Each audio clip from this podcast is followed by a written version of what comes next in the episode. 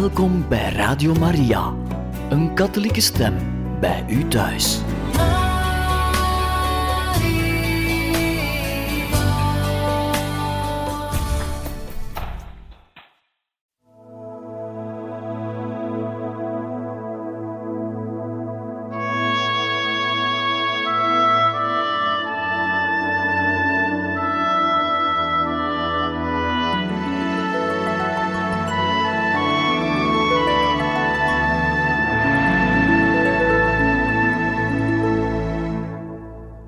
Beste luisteraars van Radio Maria, wij gaan verder met het voorlezen uit het boek Wij worden geboren om nooit meer te sterven, het verhaal van Chiara Corbella Petrillo. En na de geboorte van hun eerste dochtertje, Maria Grazia Letizia, het overlijden en de begrafenis, zijn we nu gekomen aan hoofdstuk 3. Niets onvolmaakt. En ook hier is een opschrift uit de profeet Jeremia, hoofdstuk 1, vers 5. Voordat ik u in de moederschoot vormde, koos ik u uit.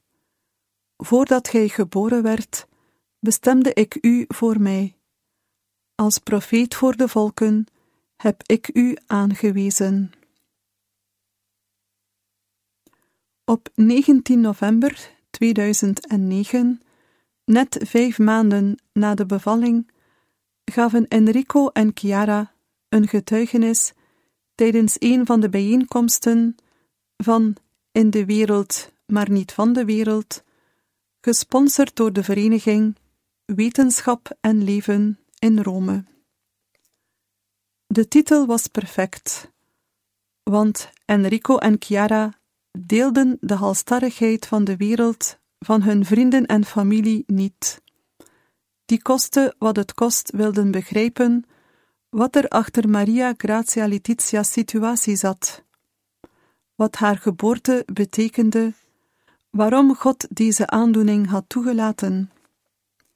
Enrico en Chiara hadden haar eenvoudigweg omarmd, haar aanvaard zoals ze was, zonder veel vragen of eisen te stellen.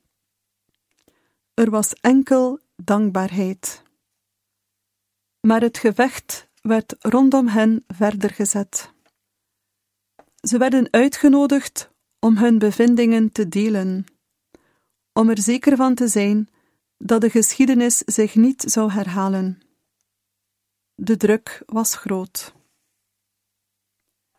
Het evenement werd georganiseerd in de parochie Heilige Francesca van Rome in Adriatino, Santa Francesco Romana al Adriatino, door de Christelijke Vereniging van Italiaanse Werkers, Acli di Roma, in samenwerking met de Vereniging Wetenschap en Leven. Op het affiche stond Het geschenk van het leven.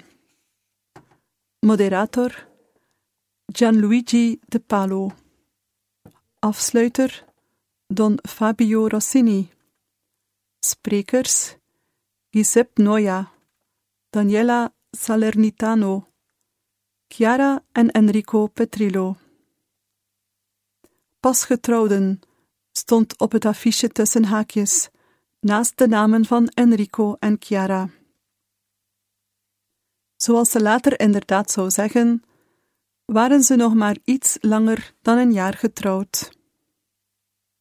Naast hen zaten Daniela, Dr. Noia van de vereniging Quercia Millenarnia en Gianluigi De Palo. Het was De Palo die met het idee kwam voor de bijeenkomst. Hij vond hun verhaal een verrijzenisverhaal, een wonder om te delen. Hij zag in hen de perfecte getuigen van het profetische denken dat de hemel op aarde brengt. Tussen zijn familie en de Petrillo's ontstond tijdens de zwangerschap van Maria Grazia Letizia een mooie vriendschap. Het was de eerste keer dat het stel een getuigenis gaf, en het was een verrassing. Die avond heeft Chiara getoond dat zij nauwkeurig en op een bekwame manier kon spreken voor een kleine groep mensen die daar bijeengekomen was om naar hen te luisteren. Ze sprak alsof het een normale zaak was. Ze vertelde het verhaal van Maria Grazia Letizia recht toe, recht aan, van het eerste artsenbezoek tot aan de bevalling, op een spontane manier, zonder een woord te veel te gebruiken. Op het einde gaf haar echtgenoot de sleutel om alles nog beter te begrijpen. Zonder God wordt alles een tegenslag, maar met God kun je het lijden als een uitnodiging zien om te dansen. En als je begint te dansen, besef je dat het lijden er wel is, maar dat er ook veel vreugde en vrede is. Wat een eenvoudige speech had moeten zijn, te midden van een reeks evenementen, werd een daad van geloof. Het was een serene uitdrukking van een dagelijks vertrouwen in een God die ons nooit verlaat en die zijn beloften waarmaakt. De aanwezigen waren onder de indruk. Een paar zinnen die Chiara die avond uitsprak, werden als in steen gegrift. Eentje daarvan was: De Heer legt de waarheid in elk van ons, en het is niet mogelijk om die mis te verstaan. In zijn evangelie vertelt Marcus dat Jezus zijn leerlingen terechtwees toen hij zag dat ze enkele kinderen wegjoegen die zich rondom hem verzameld hadden. 2000 jaar geleden telden de kinderen op sociaal vlak niet mee. Maar als we er dieper bij stilstaan, is ook deze tijd, onze tijd, de tijd van Jezus, waarvoor een dag duizend jaar is en duizend jaar als één dag. Ook vandaag de dag kan een kind nauwelijks meetellen. En als er nieuw leven komt aankloppen, reageren velen zoals de leerlingen. Ze schrikken door de onrust die het veroorzaakt, en ze denken dat het beter is om het weg te houden en af te wijzen. Aborteren betekent een geschenk terugsturen. Gods eeuwigheid wil juist via dat kindje in de dagelijkse realiteit van de tijd binnenvallen. Het is Zijn woord, geschreven in Zijn hand. Enkele onderrichtingen van de meester hebben juist te maken met de allerkleinsten. Ouders die een kind opnemen, nemen God op. Door Maria Grazia Letizia te verwelkomen, hebben Chiara en Enrico nog meer gedaan. Zoals de maagd Maria, zoals Chiara zei, als geschenk een zoon aanvaard had, die niet voor haar was, die zou sterven en die ze onder het kruis zou zien sterven, zo hadden Chiara en Enrico ja gezegd tegen een missie die hen zou overstijgen.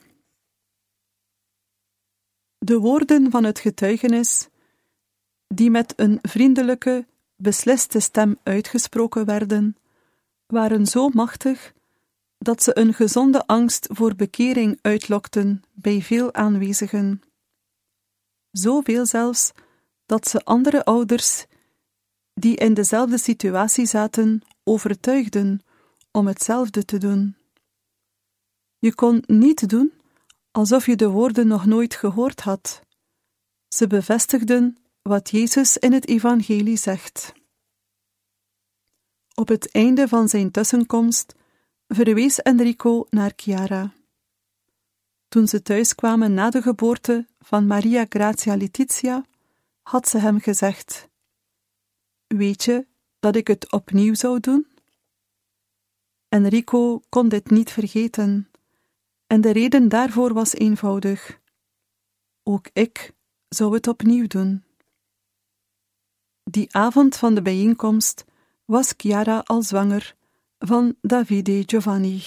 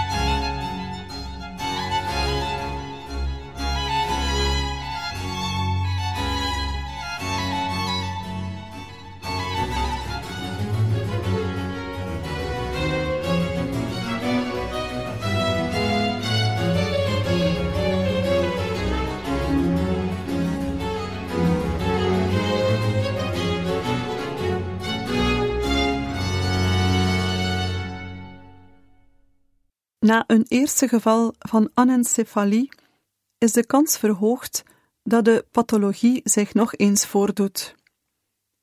Tijdens de zomer onderging Chiara normale controles. De aandacht lag vooral op factoren die de misvorming veroorzaakt zouden kunnen hebben.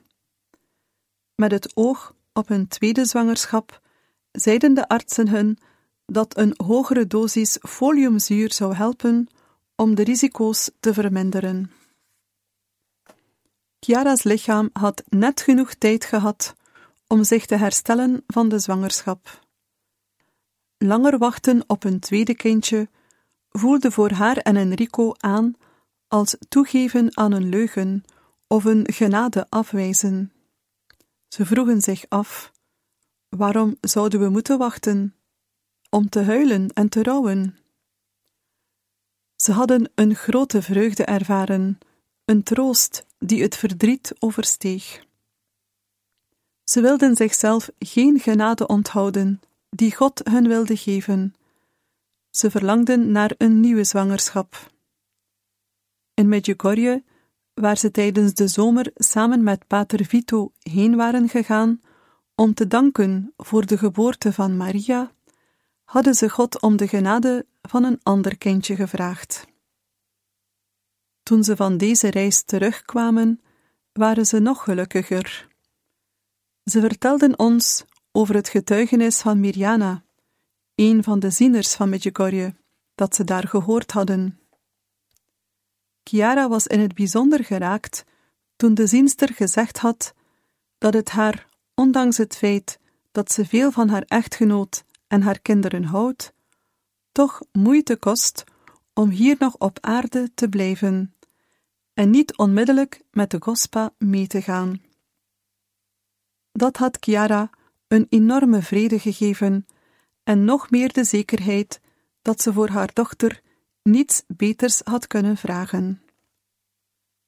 Liefde kon niet wachten. Davide Giovanni was onmiddellijk op komst.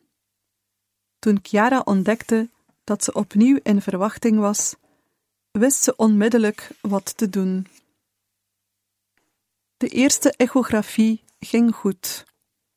De Petrilo's wachten elke afspraak een beetje angstig af, maar toonden tegelijkertijd ook een ongelooflijk vertrouwen. Zo ook tijdens de tweede echografie eind december, toen een opgewonden Daniela erin slaagde om het hoofd van het kleintje volledig te zien. Alles leek in orde te zijn. De anencefalie was niet teruggekomen. Iedereen was gelukkig en opgelucht. Sommigen waren zo blij dat ze over Davide begonnen te spreken als het kind van de troost. Jullie zullen zien dat dit kindje een grote vreugde zal zijn, werd vaak tegen Enrico en Chiara gezegd. Het was een zin die hen deed lijden, vooral als ze door mensen werd uitgesproken die dicht bij hen stonden. Het was alsof ze zeiden dat Maria een kindje was om te vergeten, legde Enrico uit.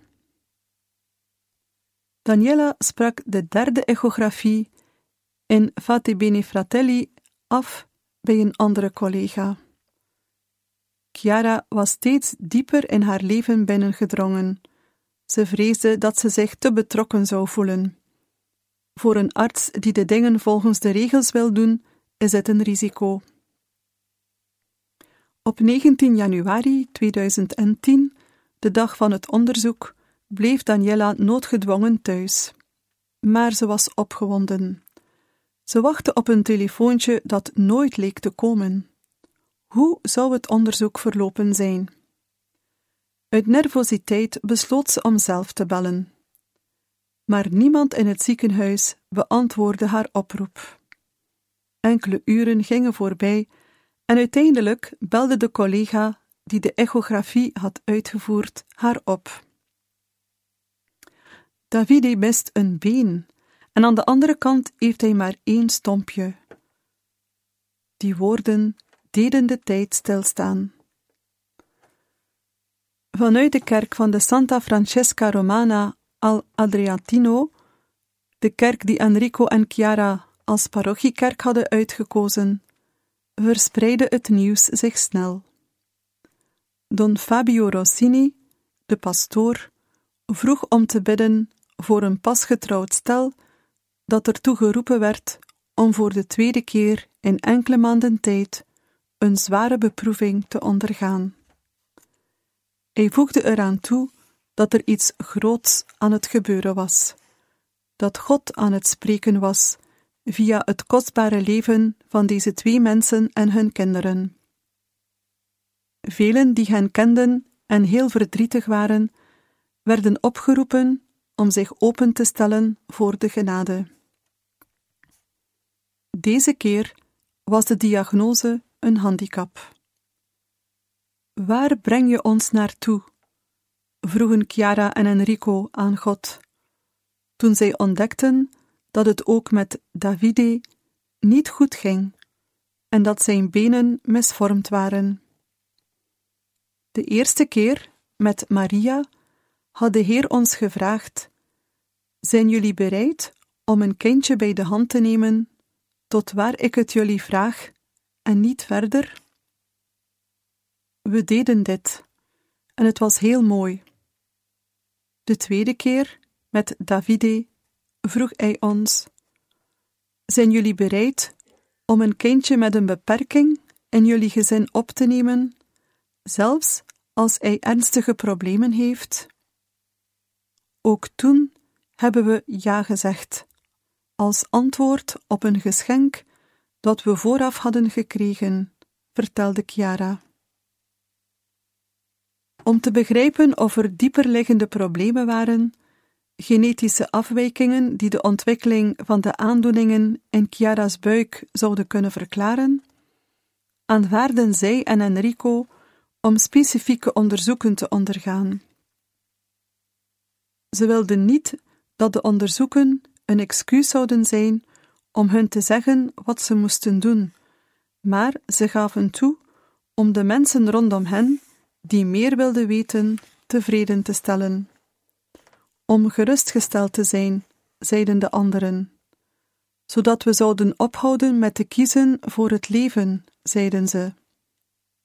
Maar zelfs als ze genetische problemen zouden ontdekken, dan zouden Chiara en Enrico zich wel bewuster zijn van het risico, maar ze zouden niet bereid zijn om anders te kiezen. Het antwoord was duidelijk. Niets kon de aandoening verklaren. De misvorming was toevallig. Er was geen verband tussen de twee zwangerschappen. Het regent nooit, maar het giet, waren de woorden van de geneticus. Deze resultaten hielden Chiara en Enrico uit de greep van mensen die hun op een min of meer verdoken manier aanraden om niet meer voor nieuw leven te kiezen. Wat voor een oplossing zou dat geweest zijn? vroeg Enrico zich ook later nog af. God schept leven voor de eeuwigheid, en ik zou nee zeggen. Chiara en Enrico bereiden zich voor om Davide Giovanni te ontvangen. Als nieuwkomer in de wereld van mensen met een beperking werd Enrico in een mum van tijd expert in beenprotheses. Het getuigenis van Nick Vujicic, een heel bijzondere jonge man die zonder armen en benen geboren werd, hielp hem enorm. De film The Butterfly Circus, waarin hij de protagonist is, ontroerde hen en hun vrienden.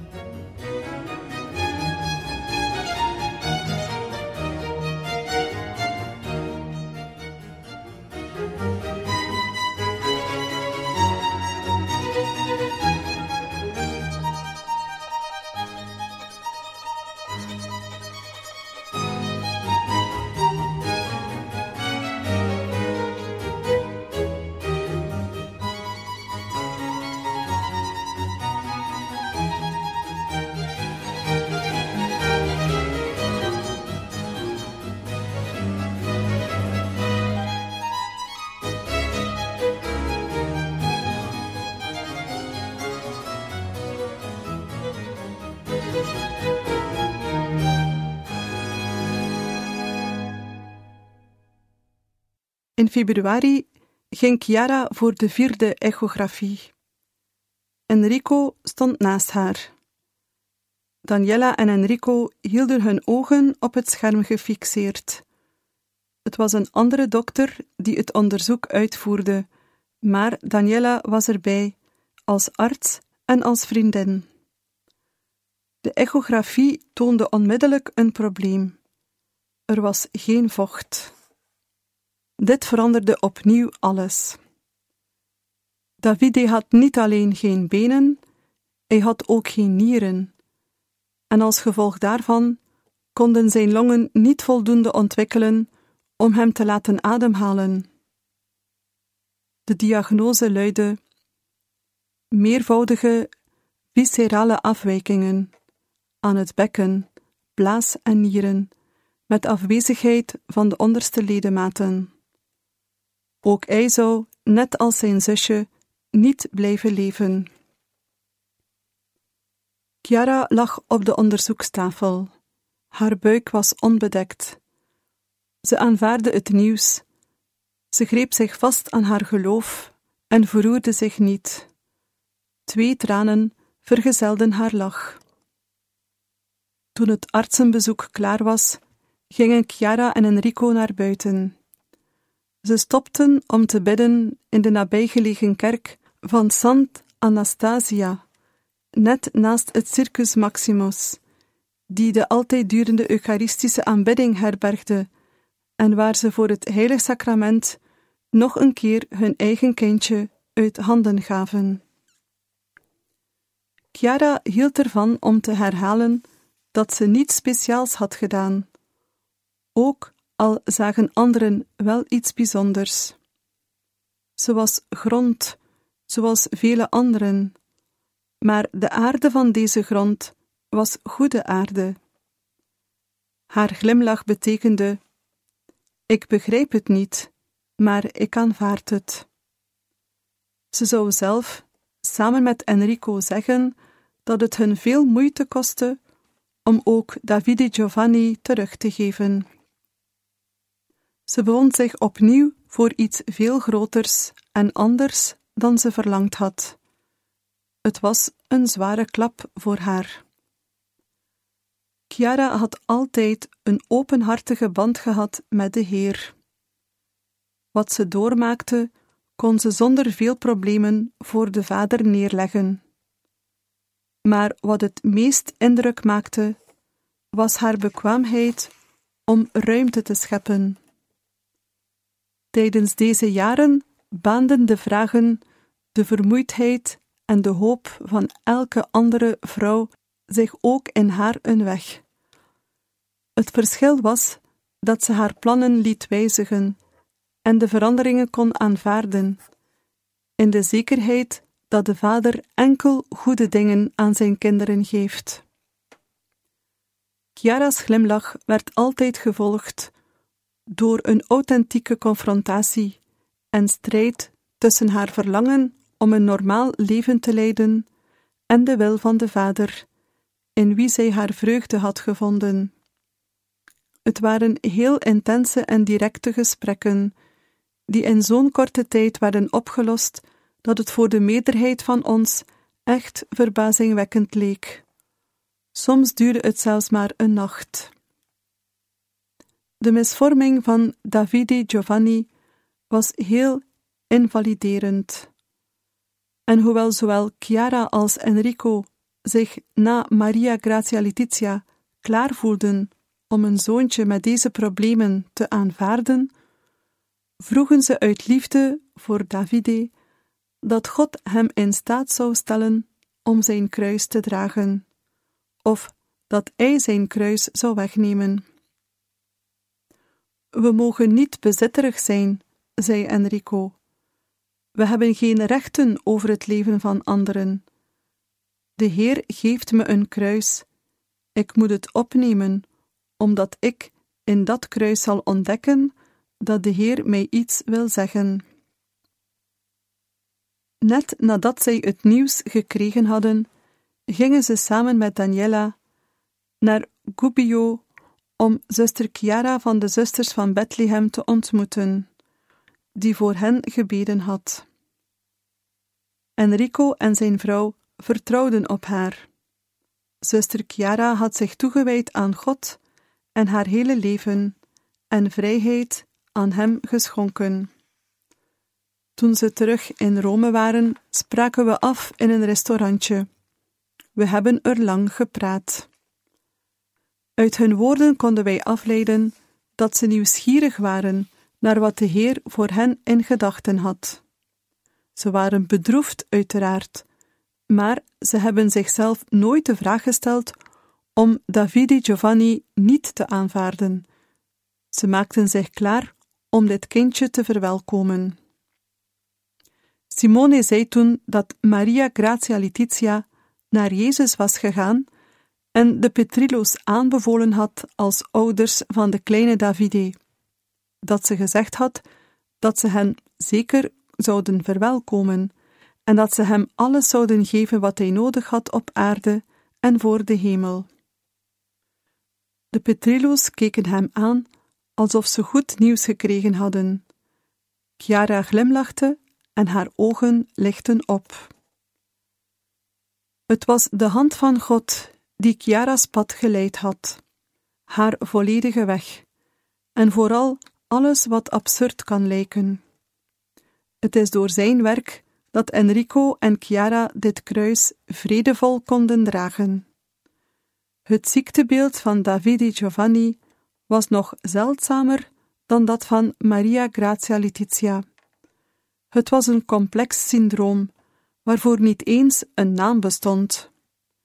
Maar ook deze zwangerschap namen ze met dezelfde dankbaarheid en sereniteit aan. Aan wie naar het kindje vroeg en naar haar plannen voor de zomer, kon Chiara nog eens met een glimlach antwoorden dat Davide Giovanni na zijn geboorte een afspraak in de hemel had. Hun aanwezigheid straalde rust uit.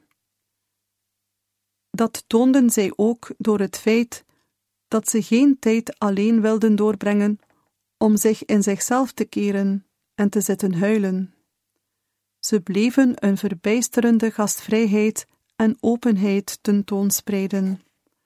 Ze gaven zichzelf aan anderen, en daaruit kwam voor anderen alleen maar goeds voort. Wie hen thuis ging bezoeken, zelfs in de dagen onmiddellijk na de diagnose, ervoer de vrede van mensen die God in hun eigen hart hadden laten binnenkomen. Chiara's glimlach, zachtheid en schoonheid waren ver verwijderd van de wanhoop van iemand die zich op zijn eigen verdriet focust. Een van de eerste dagen nadat ze het nieuws vernomen hadden, kwam Pater Vito hen vanuit Assisi opzoeken. Chiara groette hem vreugdevol. Zoals altijd was ze blij om hem te zien. Voor haar was hij een man van God, iemand die wist hoe je het eenvoudiger en gemakkelijker kon maken om het juiste te doen. Pater Vito bleef een hele dag. Voor de tweede keer moesten ze beslissen hoe ze met deze nieuwe geboorte in de hemel zouden omgaan. Het waren uren waarin diep uitgewisseld werd. Beste luisteraars van Radio Maria, wij beëindigen hier voor vandaag het voorlezen uit het boek Wij worden geboren om nooit meer te sterven, het verhaal van Chiara Corbella Petrillo. Wij danken u heel hartelijk voor het luisteren en graag tot een volgende keer.